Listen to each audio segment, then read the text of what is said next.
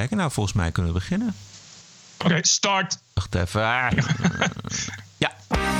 This is the TPO podcast. Het terugnemen van Nederlandse IS-terroristen. Weet wat je terugneemt. Deze groep is in principe vergelijkbaar met Nederlandse of Europese vrijwilligers die zich bij de SS aansloten tijdens de oorlog. Dit zijn de monsters. De Nederlandse elite huilt hard. Ik zou ook altijd willen dat het me niks gaat schelen, maar de praktijk is dat het me wel scheelt. Maar acteur Jussie Smollett kan nog harder huilen. I was talking to a friend and I said, I just want them to find them. And she said, Sweetie, they're not gonna find them. En maximaal engagement bij de Oscars. We dedicate this to our, oh my god, our five month old baby who's sitting at home with my parents. Aflevering nummer 109. Ranting and Reason. Bert Bresson, Roderick Phalo. This is the award-winning TPO podcast. En het is maandagavond 25 februari. De warmste 25 februari ooit gemeten, Bert. En voor je weer over klimaatverandering begint. eh, het vorige record komt uit 1964. Toen was het 15,1 graden op vandaag de dag.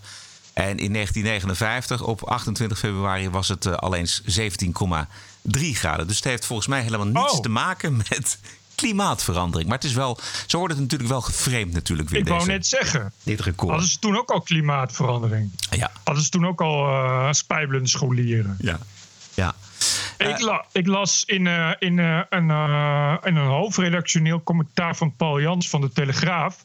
dat hij als parlementair journalist in 2008 al inzicht had gekregen in documenten van, een, eh, van communicatiestrategieën aan het eh, ministerie. Eh, en daar stond in dat je inderdaad, ja, er kwam op neer dat je de burger zo bang mogelijk moet maken.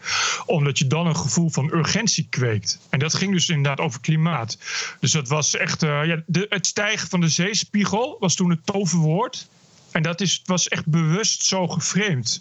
Dat noemen ze dus urgentie kweken. Oké. Straks IS Ja. en de Nederlandse elite en de topontmoeting tussen Trump en eh, Kim Jong-un in Hanoi. Maar eerst eh, de peiling van Maurice de Hond van gisteren. eh, staat de huidige coalitie op een verlies van 29 zetels.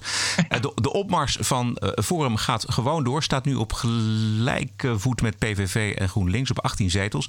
Eh, welke Ja. meerderheden zijn er in de Tweede Kamer eh, met zo'n uitslag mogelijk? Nou, ik heb er twee geteld. Eh, de, de ene nog onwaarschijnlijker dan de andere. Maar laten we beginnen bij de huidige coalitie. Want die moeten dan nog 29 zetels ergens vandaan halen. Nou, dat kan dan zijn met de Partij van de Arbeid. Die hebben er 14, GroenLinks 18.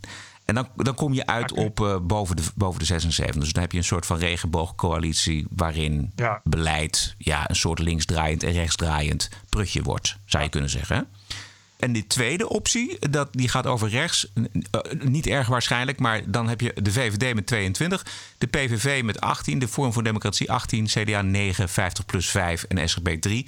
En dan kom je uit op 75 zetels. En dan nou ja, moet er ergens in die verkiezingen nog één zetel ergens bij, bij een van de partijen. Dan kom je ook boven op de 76 uit.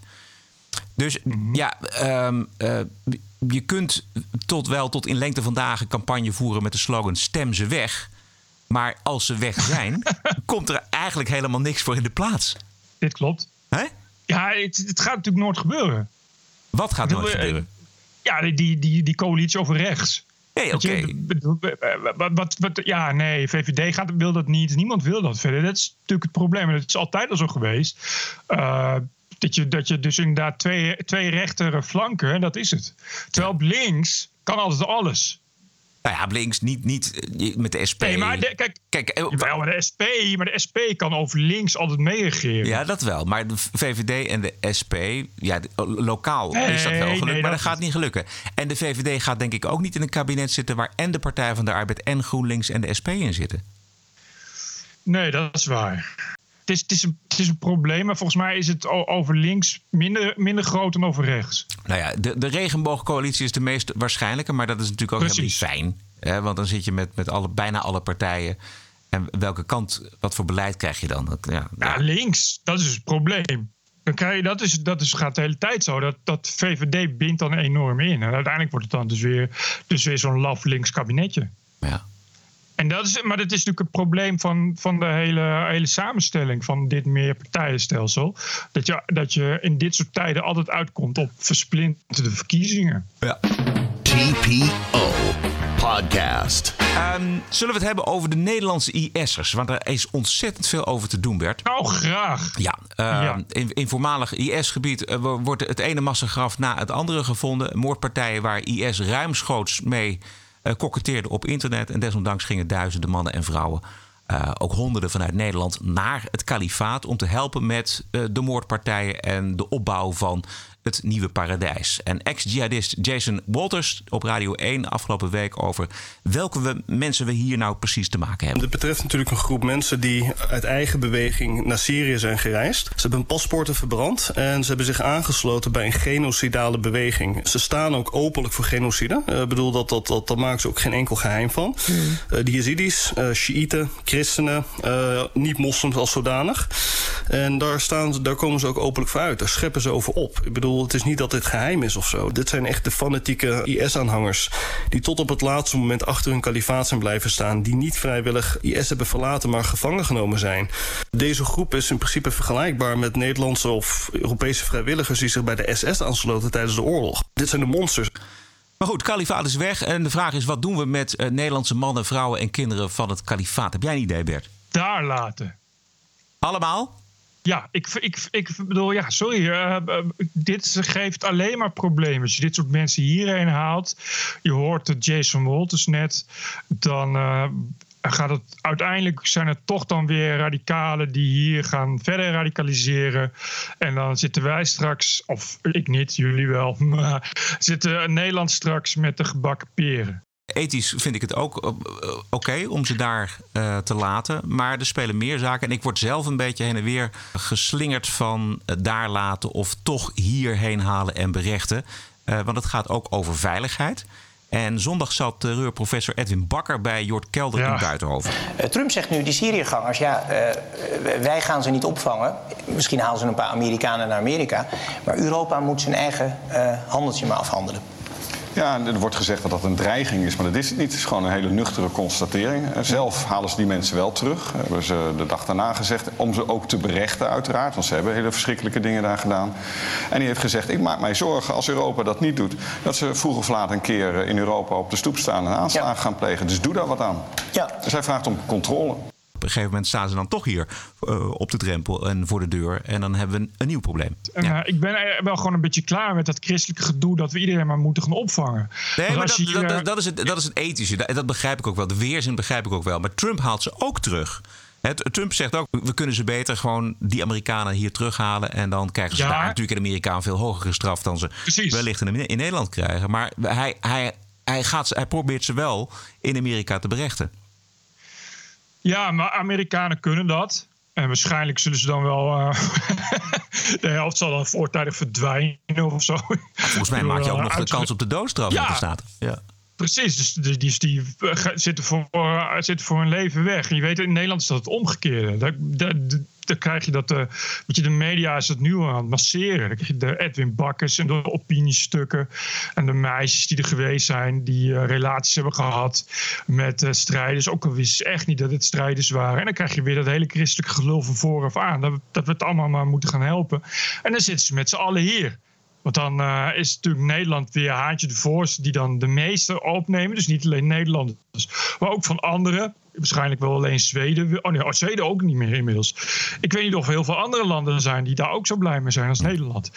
Dus ja, ik zeg, eh, eh, doe maar gewoon niet. Nee, dat zegt de socioloog Ruud Koopmans ook. Die zat ook aan tafel bij Jort Er zijn een aantal voordelen van eh, berechting in de regio. Eh, de eerste is dat ik inderdaad vind dat de mensen die de slachtoffers zijn geweest van IS, bijvoorbeeld de Yazidis, dat die het recht hebben om in hun regio te zien dat die mensen hun verdiende loon krijgen. Het tweede is, het eh, vinden van bewijsmateriaal eh, zal niet zo makkelijk zijn eh, vanuit Den Haag. Dat zal ook makkelijker gaan als het in de regio gebeurt.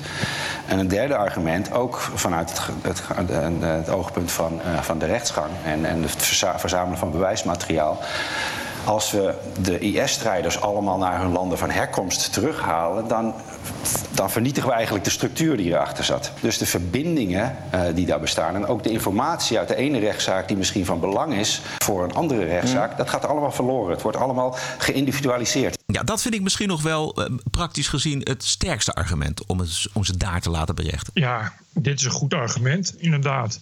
Want uh, ik vind ook een goed argument dat die Jezidis daar gewoon recht op hebben. Ja. Om hun beulen gewoon inderdaad zelf te mogen berechten. Ja, dat, dat, is, dat ook. Maar je zag het natuurlijk na de Tweede Wereldoorlog in Duitsland, Nuremberg. Um, ja. Ik weet niet of daar, of daar ook buitenlandse SS'ers stond, uh, stonden. Maar dan hou je de boel bij elkaar. En dan, dan kun je de, de verbanden leggen. En dan kun je er volgens mij veel meer berechten dan als je ze allemaal uit elkaar haalt en per land gaat berechten. Dan, dan weet je ook, dan heb je ook getuigen inderdaad die, die daarbij waren. Dan heb je inderdaad de handlangers, die zijn er bij elkaar. Anders krijg je inderdaad losse, losse figuren. Waarbij je dan maar, maar weer zien, moet zien te maken dat er een zaak van wordt. Tegen die tijd is dat bewijsmateriaal weer verdoezeld. Of juist niet. Maar weet je, de, lijken zijn er nog verder verrot. Tegen de tijd dat ze hier zijn, als je dat nu zo snel mogelijk daar doet, kom je een heel eind, lijkt me. Ja. Laten we maar eindigen met Jason Walters. Hij heeft er verstand van. Als wij ons in willen spannen als samenleving, als wij uh, humanitair gebaar willen maken, dat we ons inspannen om de kinderen terug te halen. De ouders daarentegen, die zijn medeplichtig aan aan wat IS heeft gedaan. Uh, on, ook al hebben ze het slechts gefaciliteerd, mm. ze hebben er wel het zelf voor gekozen. Ik vind ook dat ze daarom in de regio berecht moeten worden. Of ze nou uitgeleverd worden aan Irak, aan uh, Syrië, of dat de Koerden zelf daar een tribunaal op richten. Daar liggen hun slachtoffers. De getuigen liggen daar als ze niet dood zijn. Uh, de massagraven liggen daar. Het fysieke bewijs is daar. Als ze terugkomen in Nederland, op basis van eerdere zaken, kunnen vrouwen op één jaar rekenen, mannen op maximaal zes jaar. Wat betekent dat ze na vier jaar vrij staan. De straffen staan absoluut niet in verhouding tot uh, de ernst van de situatie. Jason Walters. TPO Podcast. Mediaoorlog over het aandeel van moslims in de oplaaiende jodenhaat in Europa. Eurocommissaris Frans Timmermans die was in Hongarije aan het campagne voeren en die zegt dit. Most anti-Semitic violence is from the extreme right, not from Muslims. Ja, dat is een heel kort fragment uit een lange ja. confrontatie met uh, volgens mij geen journalist, maar soort van stalker die uh, Timmermans uh, in heel slecht Engels heel irritant blijft volgen. Uh, ietsje meer context hier. And antisemitism in Hungary. Antisemitism in French now from the Muslims now, not here. Can I give you a figure? Do, I, I, can I no, give no, you an no, answer, or do you want, don't you want to hear what I'm saying? No. Can I give you an answer, honestly, sir? No, Most anti-Semitic vi violence is from the extreme right, not from Muslims. That is true. that is true. The, yeah, I, I'm you sorry. know, you know, this is the this is the sorry, lie. but- This is the lies. Yeah. This is the lies. Bye, sir. Ja, het is een interessant uh, stukje uh, televisie. Ja, ik heb het gezien, ja. Je hebt het ook gezien. Ja, dat is niet eens televisie, want hij neemt het allemaal zelf op. Uh, het is inderdaad een heel irritant ventje. Maar de, de uitspraak van Timmermans is opvallend uh, in deze mediaoorlog. Want je, je leest het ook in kranten dat de Europese moslims er een beetje buiten worden gehouden. Ik heb de afgelopen Ja. week heb ik er ook een stukje over geschreven. En correspondent uh, Kleis Jager die kwam Ja. met een interessant staatje waar die bedreigingen vandaan komen. In Hongarije en Polen komt de helft van de jodenhaat voor rekening van extreem rechts. En in de rest van de Europese Unie komt eh, meer dan de helft uit islamitische en extreem linkse hoek. There you go. En ja, mijn vraag is waarom daar in de media zo graag aan voorbij wordt gegaan, Bert. Heb jij een idee? Ja, omdat ze links zijn en dichtgetikt. Het is zelfs de reden waarom eh, Frans Timmermans eh, dit soort getallen uit zijn, uit zijn mouw ligt. En eh, ik weet dat de Groenen in het Europarlement, die, die zeggen gewoon doodleuk, eh extreem rechts is een gevaar. Want antisemitisme, daar komt gewoon het hele extreem links en islam komt er niet eens in voor. Wat natuurlijk bizar is als je inderdaad ook kunt zeggen dat meer dan de helft daar vandaan komt. Eh, we hebben toch ook nu in Groot-Brittannië Labour, eh, Labour-politici die opstappen vanwege het antisemitisme van Corbyn. Dus dat ze daar voorbij gaan, ja, dat is iets wat er niet in hun narratief past. Het is altijd extreem rechts het grote gevaar Merkel doet dat nog steeds. Die zegt nu gewoon de hele tijd, ja, neonazisme is het nieuwe gevaar. Extreem rechts is het nieuwe gevaar. Ja. Nou, ik, geloof, ik geloof best dat dat in Duitsland, en, en je ziet het ook aan die cijfers van, van Klaas Jager, ook in Polen en in, in Hongarije, dat, dat, dat het grote gevaar van extreem rechts komt. Maar eh, dat neemt niet weg dat in de rest van Europa, je ziet het vooral ook in eh, België. En je ziet het natuurlijk bij aanslagen die er geweest zijn. Je ziet het in Nederland bij HKML. Je ziet het eh, in Frankrijk vooral natuurlijk. En het is eigenlijk obvious natuurlijk dat iemand als Frans Timmermans dat uh, ontkent. Omdat zijn agenda natuurlijk ook is om meer exact. immigranten uit, uit het Midden-Oosten hier naartoe te halen. Ja, het is, dit past echt, staat echt haaks op de, op de EU-agenda, op de Europese Commissie-agenda helemaal. Van een sociaal-democraat als Timmerfrans. Die, die inderdaad, ja, er is altijd door dit soort lui, door GroenLinks, door de PvdA, is tot nu toe alleen maar weggekeken en gelogen. Weet je, de, de als je dan hun vraagt, dan zegt ze: ja, er is helemaal niet, is helemaal niet zoiets als, als uh, Joden haat bij moslims. Er is helemaal geen, uh, geen gevaar voor, voor geweld. Maar ja, precies hetzelfde gebeurt bij de islamisering. Of, of, of bij het terughalen van IS-kinderen. Als je nu Jason Wolters hoort, het eerste wat je doet is zucht, omdat je weet dat er straks toch in de wind wordt geslagen. Weet je, je weet dat dat in de wind wordt geslagen. Je weet dat het eerste wat ze doen is iemand er overheen laten gaan. Een zogenaamd journalist die gaat vertellen hoe, hoe enorm leuk uh, de islam, religie en vrede is. En dat absoluut niets met Jodenhaat te maken. Nou, misschien haat op Israël, maar dat is haat, is, is sionisme kritiek. En dat hebben die Israëli's ook om gevraagd natuurlijk. Met een, uh, met een uh, Palestijnse bezetting die ook nog eens keer te vergelijken is met de, met de nazi-bezetting, weet je wel. Ik bedoel, zo gaat het toch de hele tijd. Ja. We hoeven toch niet, hoeven toch niet over te liegen, dat, dat weet toch iedereen? Ja, het is iets, een, een beeld, een agenda, dat is geschapen. Mede in de tijd dat de, dat de EU werd geschapen. Ja, daar komen we niet meer vanaf. Nee de Duitse Wereldomroep, de Deutsche Welle, zat een uh, Joodse student uit Berlijn met haar persoonlijke ervaring met een groep daders. Can you tell us a little bit more in detail what happened? What were people saying or how were they behaving?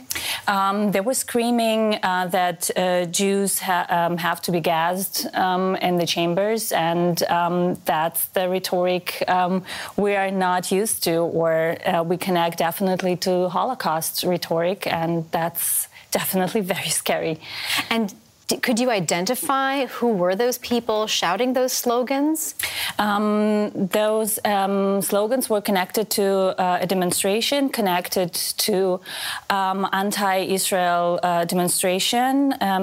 Connected again to uh, the Gaza war. So actually, it wasn't something about Jews in Germany, but the switch was very fast. Ja, dus dit zijn demonstranten ja. pro-Palestina, linkse en Arabische demonstranten. Dit is het dus. Ja. Hier heb je het. Je kan toch jodenhaat ook niet uh, uh, uit, de, uit de islam halen? Ik bedoel, als er iets overduidelijk is. En uh, dit is ook niet dat ze, daar, dat ze daarover liegen. Nee, totaal zo. niet. Ik, was, ik kan me nog goed herinneren dat ik in, in Beirut was en daar ja, winkels ja. te, tegenkwam. waar gewoon in de etalage werd aangeprezen Mein Kampf van Adolf Hitler. Ja, ja dat is, dat, op iedere hoek van de straat was dat boek te koop het is ook nooit anders geweest. Het is ook nooit, ik bedoel, de handvest van Hamas is dat.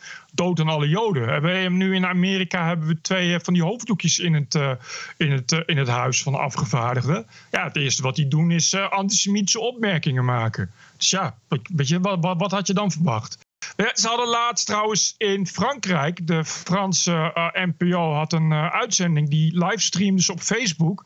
En dat ging over het bekladden van uh, Franse graven. Er waren meer dan 80 Joodse ja. graven waren beklad met hakenkruis in, in Frankrijk. ja. die overigens uh, aan de bekladding te zien werden opgeëist door, door neonazies. Dat even voor de duidelijkheid. Uh, daar werd een, uh, een uitzending aangeweid. En die uitzending was live op Facebook. En die, die uitzending hebben ze moeten stopzetten. Omdat ze het aantal jodenhatende reacties niet meer konden modereren. Ja, als je een livestream hebt op, op Facebook. Ja. En, en nou ja, dat is een omroep. Dus daar kijken dan meteen tigduizend mensen ja. naar. Die, die reacties zijn ook real-time. Dus die gaan dan heel snel, flitsen die voorbij. En die ja. kunnen ze niet modereren. Ja, de meerderheid van die, van die reacties was inderdaad... Ja, goed dat die Joden weer, die vragen erom. En uh, Bas Hitler, maar wie? Nee, je kent het wel. De pure antisemitische haatreacties. Onvoorstelbaar. Wat is er dus aan de hand met dat land, man?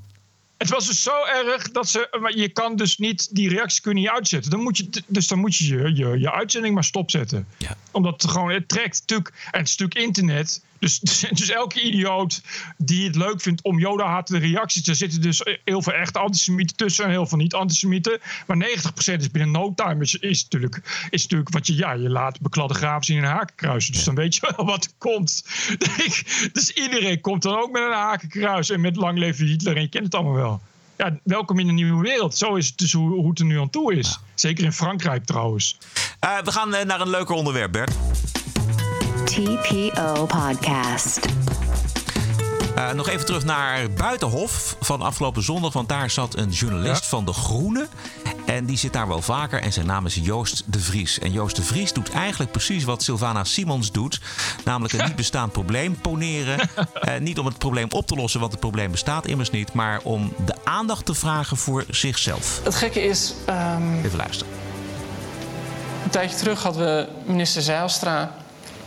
Of minister staatssecretaris was hij toen. Uh, die een soort van campagne tegen de culturele elite voerde ten tijde van uh, Rutte 1, van de bezuinigingen. En die zei eigenlijk: het publiek bepaalt wat goede kunst is. Mm -hmm. Een interessant idee is. Maar als je daar even over nadenkt, dan kom je erop neer dat Justin Bieber aanzienlijk een belangrijke muzikant is dan bijvoorbeeld Rolling Stones. Want Justin Bieber heeft helaas veel meer ja. Ik denk niet dat dat iets is waar, waar. Ik denk dat mensen heel instinctief heel goed voelen dat er. Um, wel degelijk onderscheid is tussen die verschillende vormen. Ik, word heel, ik vind het heel moeilijk als, als minister Wiebes zegt dat kunst een hobby is. Ik bedoel, ga je terug naar het krijttijdperk. Ja. Maakten mensen al schilderingen op de muur. Um, zodra de boek, boekdruk uit kunst werd uitgevonden, schreef iedereen een boek. Ik bedoel, het vertellen van verhalen en het maken van kunst is een essentieel onderdeel ja. van hoe we nadenken. Wat, wat het is om een mens te zijn. Ja.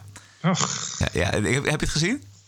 Nee, ik las vandaag de uitstekende column van Hans van Willigenburg op TPO. Ja. Die heeft het uh, feilloos gefileerd. Maar ik ken uh, Jozef Vries natuurlijk al als uh, pedant schrijvertje van de Groene Amsterdammer. Maar ik wist niet dat het zo pedant was. Ja. Dit is wel veel pedanter. Ik denk dat zelfs bij de correspondent dat ze dit nog een beetje heel pedant vinden. Het is, ja, het is wij, de elite in de grachtengordel en ja, de stomme populisten. En ja. ja, het is toch een beetje een riedeltje waar je toch een beetje toch wel kan dromen. En waar het uiteindelijk op neerkomt bij dit soort mensen, is toch dat ze ja, zichzelf te grote. Het is toch de bedoeling. Nou, misschien ja, maar het grappige is, Bert, ze snijden een probleem aan wat er volgens mij helemaal niet is. En dat probleem snijden ze aan om zichzelf groter te maken en om zichzelf als exact. een soort van strijder te maken tegen alle exact. verloedering. En wat dat betreft deed uh, uh, Jort Kelder het uh, goed in het interview. Het wemelt nog steeds in dit schone land van de musea, van de culturele instellingen, van de theatergezelschappen, noem maar op. Ja. Er worden meer boeken geschreven ja. dan ooit. Of ze ooit ze gelezen worden, worden, weet ik niet. Ze worden niet verbrand in ieder ja. geval. Ja. En er zijn meer hoger opgeleiden dan ooit. Wat is het probleem? Wat is het probleem? Is denk ik dat er een, een gekke kramp aan de hand is. En ik weet niet hoe dat voor jou is, maar uh, ik, ik, schrijf voor de Groene Amsterdammer, ik schrijf boeken. Uh, het is behoorlijk teleurstellend als je door gekozen zittende politici uh, wordt uitgemaakt als een soort van elitair wijndrinkend monstertje. Ik wil dat eigenlijk heel graag. Ik vind het prachtig. Ja, nee, ja, goed. Ik, kan me niet kan, schelen. Ja, ja ik, ik zou ook altijd willen dat het me niks kan schelen. Ja. Maar de praktijk is dat het me wel scheelt. dus het komt, er uiteindelijk, ja, het komt er uiteindelijk op neer dat hij zich in zijn kuif gepikt voelt. door blijkbaar tweets die hij terugkrijgt van politici. en die hem uh, de maat nemen. Of die zeggen van nou, uh, wat stel jij nou voor? Dus hij, hij leidt onder een gebrek aan erkenning. Wat een leed. Wat een leed. Dan ben je als elitair witte wijn drinkende snop die voor de Groene Amsterdammer schrijft. Word je uitgemaakt voor elitair witte wijn drinkende snop die voor de Groene Amsterdammer schrijft. Oh. En dan ben je gekwetst. Gruwelijk. Heb je nog meer Nederlands? Nederlands? Nee. Geen Nederlands? Nee, ik, ik, ik, heb dus, dus uh, ik zit dan met, uh, met Annabel Nannega en Willem-Jan Hilderink en Bas Paternotte. Wij appen elkaar dan de hele dag. Ja. Uh, en Willem-Jan Hilderink, uh, die is ginger, dus, ja. dus je heeft ook geen ziel. Die stuurt dan de hele tijd uh, screenshots van, uh, vanuit Blendel en vanuit andere media.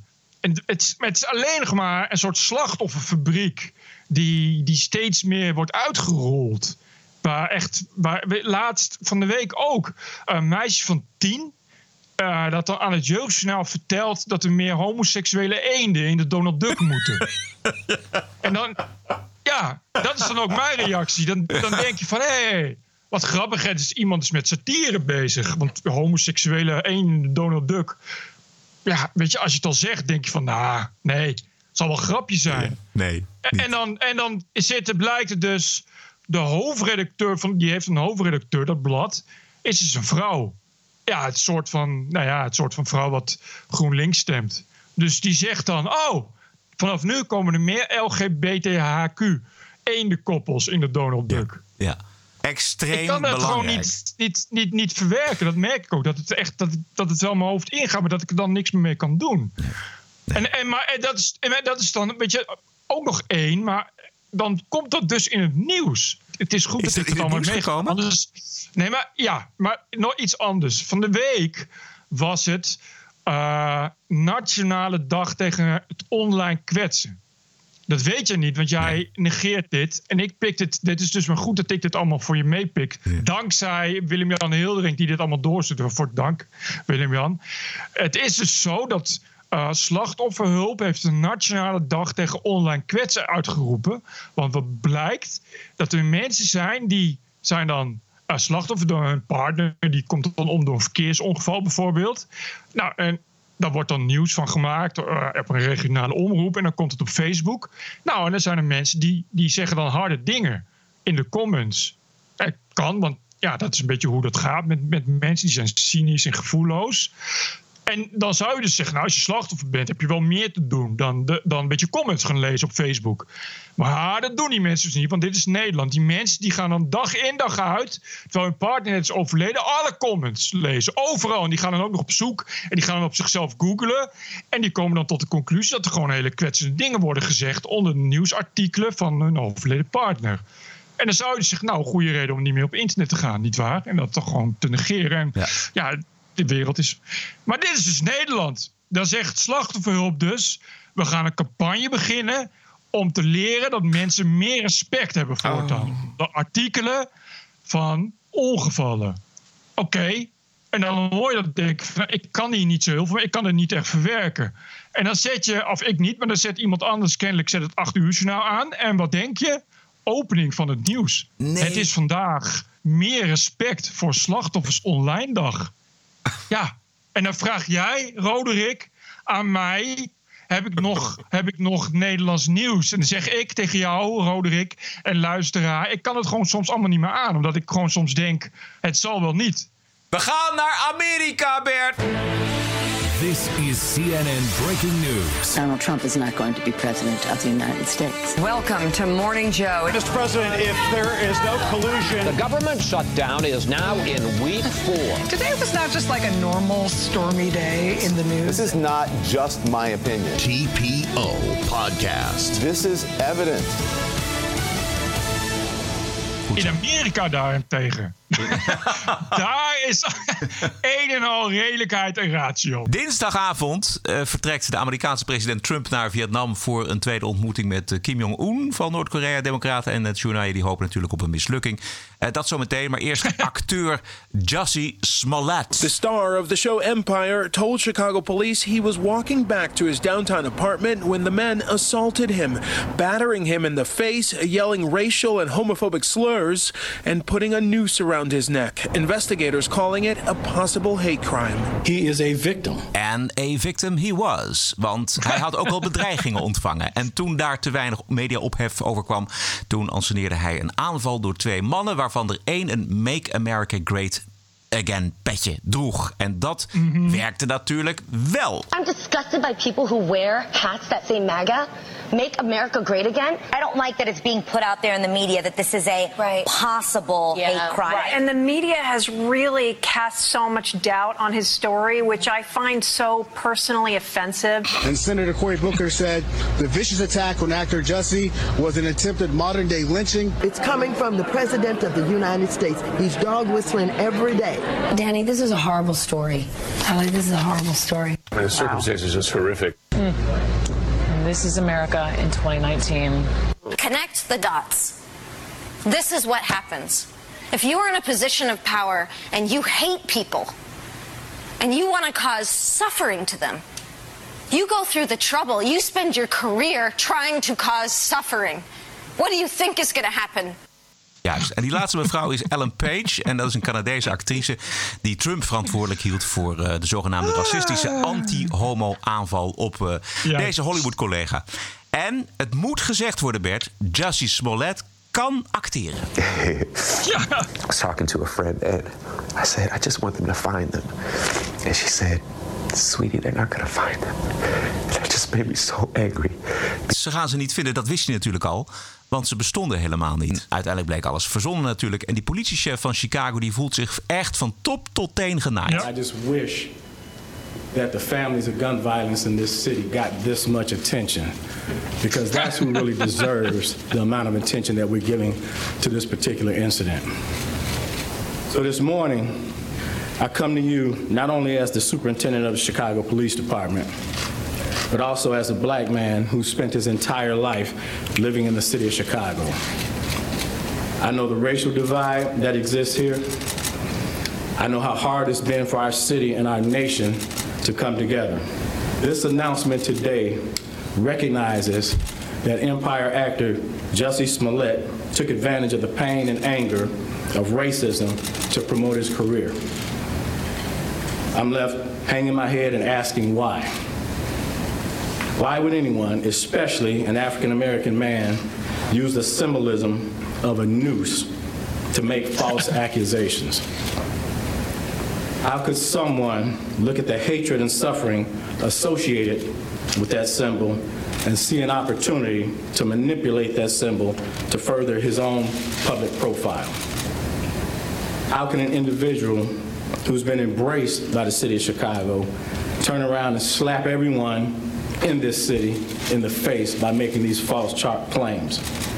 To make things worse, the accusations within this phony attack received national attention for weeks. Celebrities, news commentators, and even presidential candidates weighed in on something that was choreographed by an actor. I hope that the truth about what happened receives the same amount of attention that the hoax did. En Trouwens, weet je wie het niet meteen geloofde? Ja. Don Lemon. Don Oh, ja. Lemon was er genuanceerd over. Zo. Dus ja, als zelfs Don Lemon zegt... van misschien moeten we daar eh, eh, een beetje even nog een slagje om de arm Ja. houden... zou je denken. Maar dat is niet echt gelukt, we hoorden het net Nee. in de compilatie. Nee, maar het grappige was- Amerika is erop Precies. leeggelopen. Nee, maar het grappige was dat inderdaad, juist omdat er een aantal mensen, zoals Don Lemon, gingen twijfelen, dat werd weer als een insult gezien door andere mensen. En dus dat Ja, het hè? stookte, het pookte het vuurtje alleen nog maar meer op. Dat is ook zoiets, dat je daar dan niet aan mag twijfelen. Dat vind ik altijd zo Ja. goor. Dat ze dat, dat doen, maar dat doen ze dus bij MeToo ook. Zeg ja, als je daar aan twijfelt, dan maak je het voor die vrouwen nog erger. Ja. Weet je, dan worden de vrouwen dubbel slachtoffer. Terwijl ja, je moet toch echt gewoon even afwachten. Eh, dat doet de politie ook. En die doen goed werk. Dat blijkt maar weer. Want die kwamen volgens mij vrij snel tot de conclusie dat het niet helemaal in de haak was. Ja. Op iHeart eh, FM, iHeart is een radiostation in Amerika, en daar zit een, eh, een ochtendshow die heet eh, toepasselijk The Breakfast Club. En daar zit een DJ Envy, en die heeft zich er ook over uitgesproken. Jesse, see, here's the thing racism is real, homophobia is real, hate crimes really happen in this country every day. We knew this already. You did no one any favors by pulling this stunt. And don't try to act like you were doing something for society because you weren't. All right? You were doing something for personal gain. This was all very self serving. And yes, you wanted to become a martyr, and you did. You became a martyr for everything that's wrong with this country and everything that's wrong with this era. People who are willing to do any and everything for attention. Don't think about this too deep, people, okay? Jussie Lyon is a clout chaser. Nothing more, nothing less. All right? Black men in this country have been imprisoned and killed for years because of lies like this. All right? You took a play out of your oppressor's playbook, sir. If the roles were reversed and some white MAGA supporters made up a lie like this and it caused some black men to get incarcerated, we would be rioting. We'd be asking the judge to throw the book at them. And we have to keep the same energy with Jussie because we can't become what we claim to hate. Dit is volgens mij eh, in de kern eh, het probleem inderdaad dat het gaat om aandachttrekkerij. eh, vooral bij hem, maar in die hele Amerikaanse samenleving. Maar ook hier natuurlijk, wat wij gezien hebben in Nederland aan eh MeToo bij De Wereld Draait Door. Hoe heet je ook alweer? Hoe heet onze vriend nou? Uh, ding is, Gijs- Gijs, nee, Gijs van- Gijs van Dam. Nee, Gijs van Dam eh, en Brand Korsius. eh, eh, Jelle Brand Korstius. Juist. Jelle Brand. Ja, dat, dat je met dat verhaal naar de televisie gaat. Het best beke- bekeken televisieprogramma van Nederland. En dat je daar je verhaal gaat doen. Dat is, dat is eigenlijk vergelijkbaar met dit geval. Namelijk een, eh, een enorme behoefte aan aandacht. Maar dat zeg ik. Je kan dus nu in de media, in de Nederlandse media, hoef je alleen maar slachtoffer te zijn. Ja. Je krijgt een onbeperkt en uitgebreid podium. Ja, dat is dus het trieste. Ja, wanneer houdt het slachtoffer tijdperk op? Ja, dat- wanneer kappen we daar nou eens een keer mee? Wa- wanneer worden nou weer eens mensen die gewoon uitzonderlijke prestaties verrichten... eh, vereerd of krijgen de aandacht? Wat zeg je nou? Ja. Mensen met, met talent en succes. Nou, Precies, die mensen die boven Dat het maaiveld uitsteken. Waar, wanneer krijgen die nou weer eens de aandacht die ze verdienen? Ik, en het nou, salaris. ik, las, ik las dat eh Karl Lagerfeld was dood. Ja. En je wil echt niet weten wat, wat dan voor rancuneuze mensen daar dan over schrijven, jongen. Dat is toch niet. eh, ik las in The Guardian iemand die dan gewoon journalist is. Die geeft dan gewoon iemand als Karl Lagerfeld de schuld van de ongelijkheid. En van de zelfhaat die heerst bij vrouwen. En daarom hebben we zoveel leed en chaos in dit land. Je weet gewoon, niet, weet gewoon niet wat je leest. Het is gewoon Karl Lagerfeld maakte dingen. En er was een baas. Ik heb al zijn quotes online gezet. Dus, of, of 25 quotes. Geweldig. Dat was, als er nou iemand niet politiek correct was, was Karl Lagerfeld wel. Die maakte gewoon dingen. Die zei: Ik, ik hou van mooi. Ik hou van, eh, van eh, design. Want dat ben ik designer. Dus ik maak mooie designs. En die, die zet ik op mooie vrouwen. Wat is het probleem? Maar dat mag niet. Dat mag gewoon niet. Dat is veel te veel. Ik steek je er bovenuit. Ik krijg je ongelijkheid. Het is ongelijkheid bevorderend. Ja. Nou ja, Succesvolle mensen met talent zijn ongelijkheid bevorderend. Ja. Eh, In dat kader past natuurlijk ook de, de hele herschrijving van eh, Turks Fruit van Jan Wolkers. Want dat moet worden opgevoerd als toneelstuk. En dat paste natuurlijk niet meer in deze tijd. Dus eh, het moest vooral inderdaad eerlijker en gelijker tussen man en vrouw. Dus dat, er is een, een, een groot gedeelte van het toneelstuk is herschreven. Of van de Ja, tekst. heel goed. Ik mag toch hopen dat wij nog gaan meemaken dat dat tijdperk ten einde raakt. En dat we gewoon weer de, de uitzonderlijken gaan waarderen. So how do we make sense of Justice Smollett? How do we make sense of this situation? We make sense by saying, wow, look at us. He's one of us. At the core, he did what we do every day. He told a lie. He told a lie the same way the leader of this country does every day. Ja. ja, die zat erin natuurlijk. Hè? Dat, dat, dat, Dat- daar kon je zeggen, vergif op innemen. Ik heb ook niet gezien hoe die, al die mensen nu reageren. Maar ik neem aan dat de meesten gewoon terug, niet terugkrabbelen. Die zeggen dan gewoon van ja, maar eh, het was wel goed wat hij deed. En hij wilde wat aangeven. Neem ik aan hoor. Ik heb het niet gelezen. Ik kan me niet voorstellen Nee. dat al die, die, die, die Hollywood-ego's gaan zeggen... oh, sorry, ik zat verkeerd. Dat lijkt me sterk namelijk. Nee, wat nu naar dat ze voren- dat ooit gaan doen. Nee, wat, wat nu naar voren wordt gehaald is dat hij toch ook een drugsprobleem heeft. Dus dat het aan de drugs gelegen heeft. Oh, het is niet helemaal wel? zijn schuld. Precies. Ja, dat, dat begrijp ik. Wist je, dat las ik gisteren. In eh, Amerika is een vliegveld dat heet John Wayne Airport. Is vernoemd naar John Wayne. Ja. Eh, en dat mag niet meer. Want John Wayne is eh, in 1978. Ik herhaal, in 1978 heeft John Wayne een interview gegeven aan het blad Playboy. En daarin heeft hij kwetsende dingen gezegd over homo's en zwarte en indianen. Dus daarom mag John Wayne Airport nu geen John Wayne Airport meer heten. Heb je dit? Ja. In 1978 in één interview. Je had het over Nederland, dat het in Nederland zo erg is. Maar in Amerika is het ook verschrikkelijk. TPO Podcast.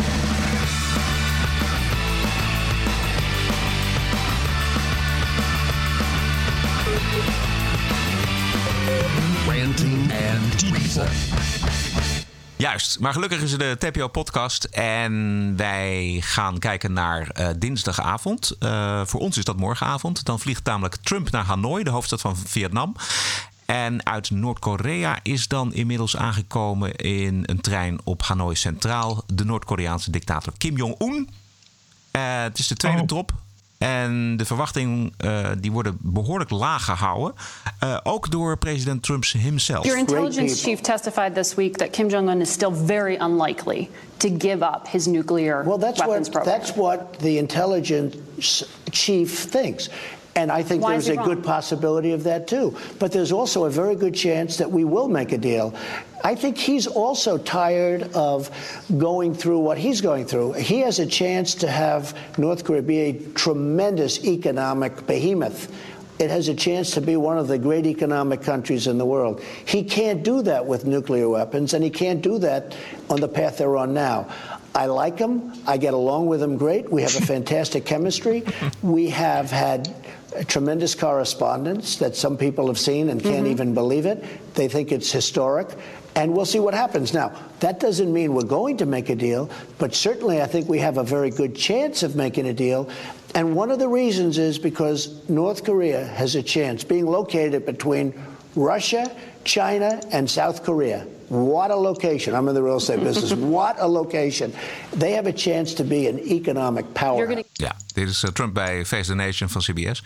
Ehm, Bert, de ontspanning eh, is natuurlijk geweldig. En dat is, eh, komt helemaal op het konto van eh, deze Amerikaanse president. Maar het echte werk is natuurlijk de ontmanteling van die Noord-Koreaanse kernwapens. En de vraag is of Kim daar ooit toe zal overgaan. Er moet iets voor hem in zitten. En eh, de Amerikaanse eh, minister van Buitenlandse Zaken, Mike Pompeo, die zat bij CNN, bij Jake Tapper. En Jake Tapper stelde de precies de goede vraag. How do you convince Kim to give up something that he thinks is critical to his regime's survival? What is the United States offering that's better than that? Yeah, we've made it very plain to Chairman Kim. Uh, the alternative to giving up his nuclear weapons is remaining a pariah state, remaining a nation that is uh, unable to trade, unable to grow, unable to take care of its own people. Uh, we've made the argument that it would be far better, far better for Chairman Kim himself, his senior leadership, all of the people for North Korea. Uh, we've also shared with him that we are happy to make sure that North Korea's security assurances, they're worried about China, uh, that the security assurances that they need uh, can be provided in a way that is reasonable. And we have also told them there'll be, there'll be real opportunities, that countries from around the world will come uh, make his economy one that looks more like South Korea's economy than the one that exists in North Korea today. Those are the kinds of things. Uh, I've had these conversations. I've been with Chairman Kim, I think, more hours now than anybody, including Dennis Rodman. Het is ook pas, pas af als hij zijn kernwapens heeft opgegeven. Zolang hij ze heeft, is het, is het nog steeds allemaal niks. TPO Podcast. Ja, de bonusquote is afkomstig uit eh, de Oscar-uitreiking afgelopen weekend. Eigenlijk wilden Bert en ik het eh, jaartje overslaan, gewoon eh, voor ons eigen geestelijk welzijn. Eh, maar goed, eh, een bonusquote dus uit de grote randdebiele bijeenkomst 2019. And the Oscar goes to. Yes! Skin. Dynasty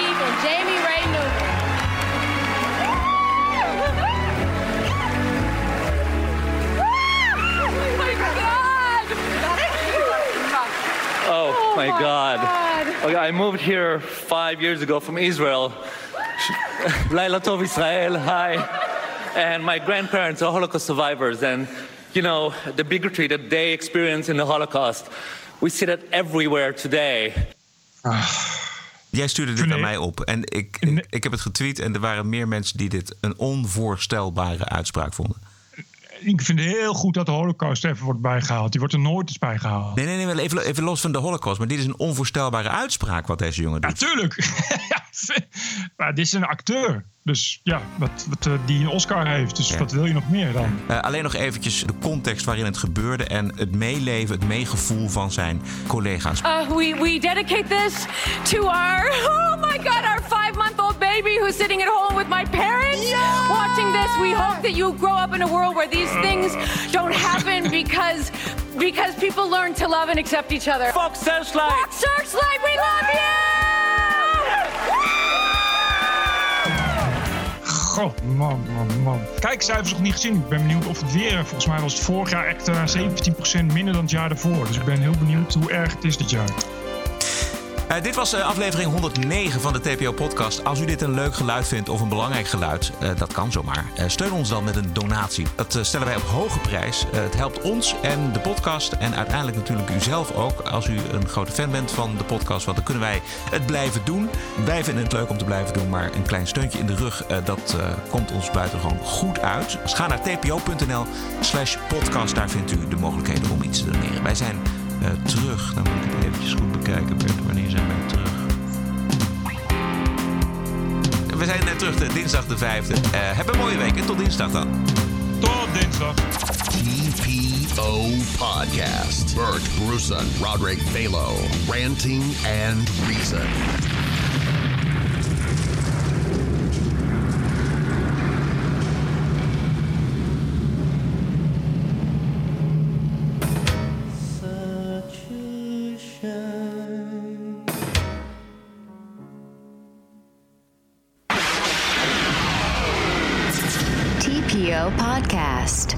Award winning TPO podcast can be heard on the No Agenda stream at noagendastream.com.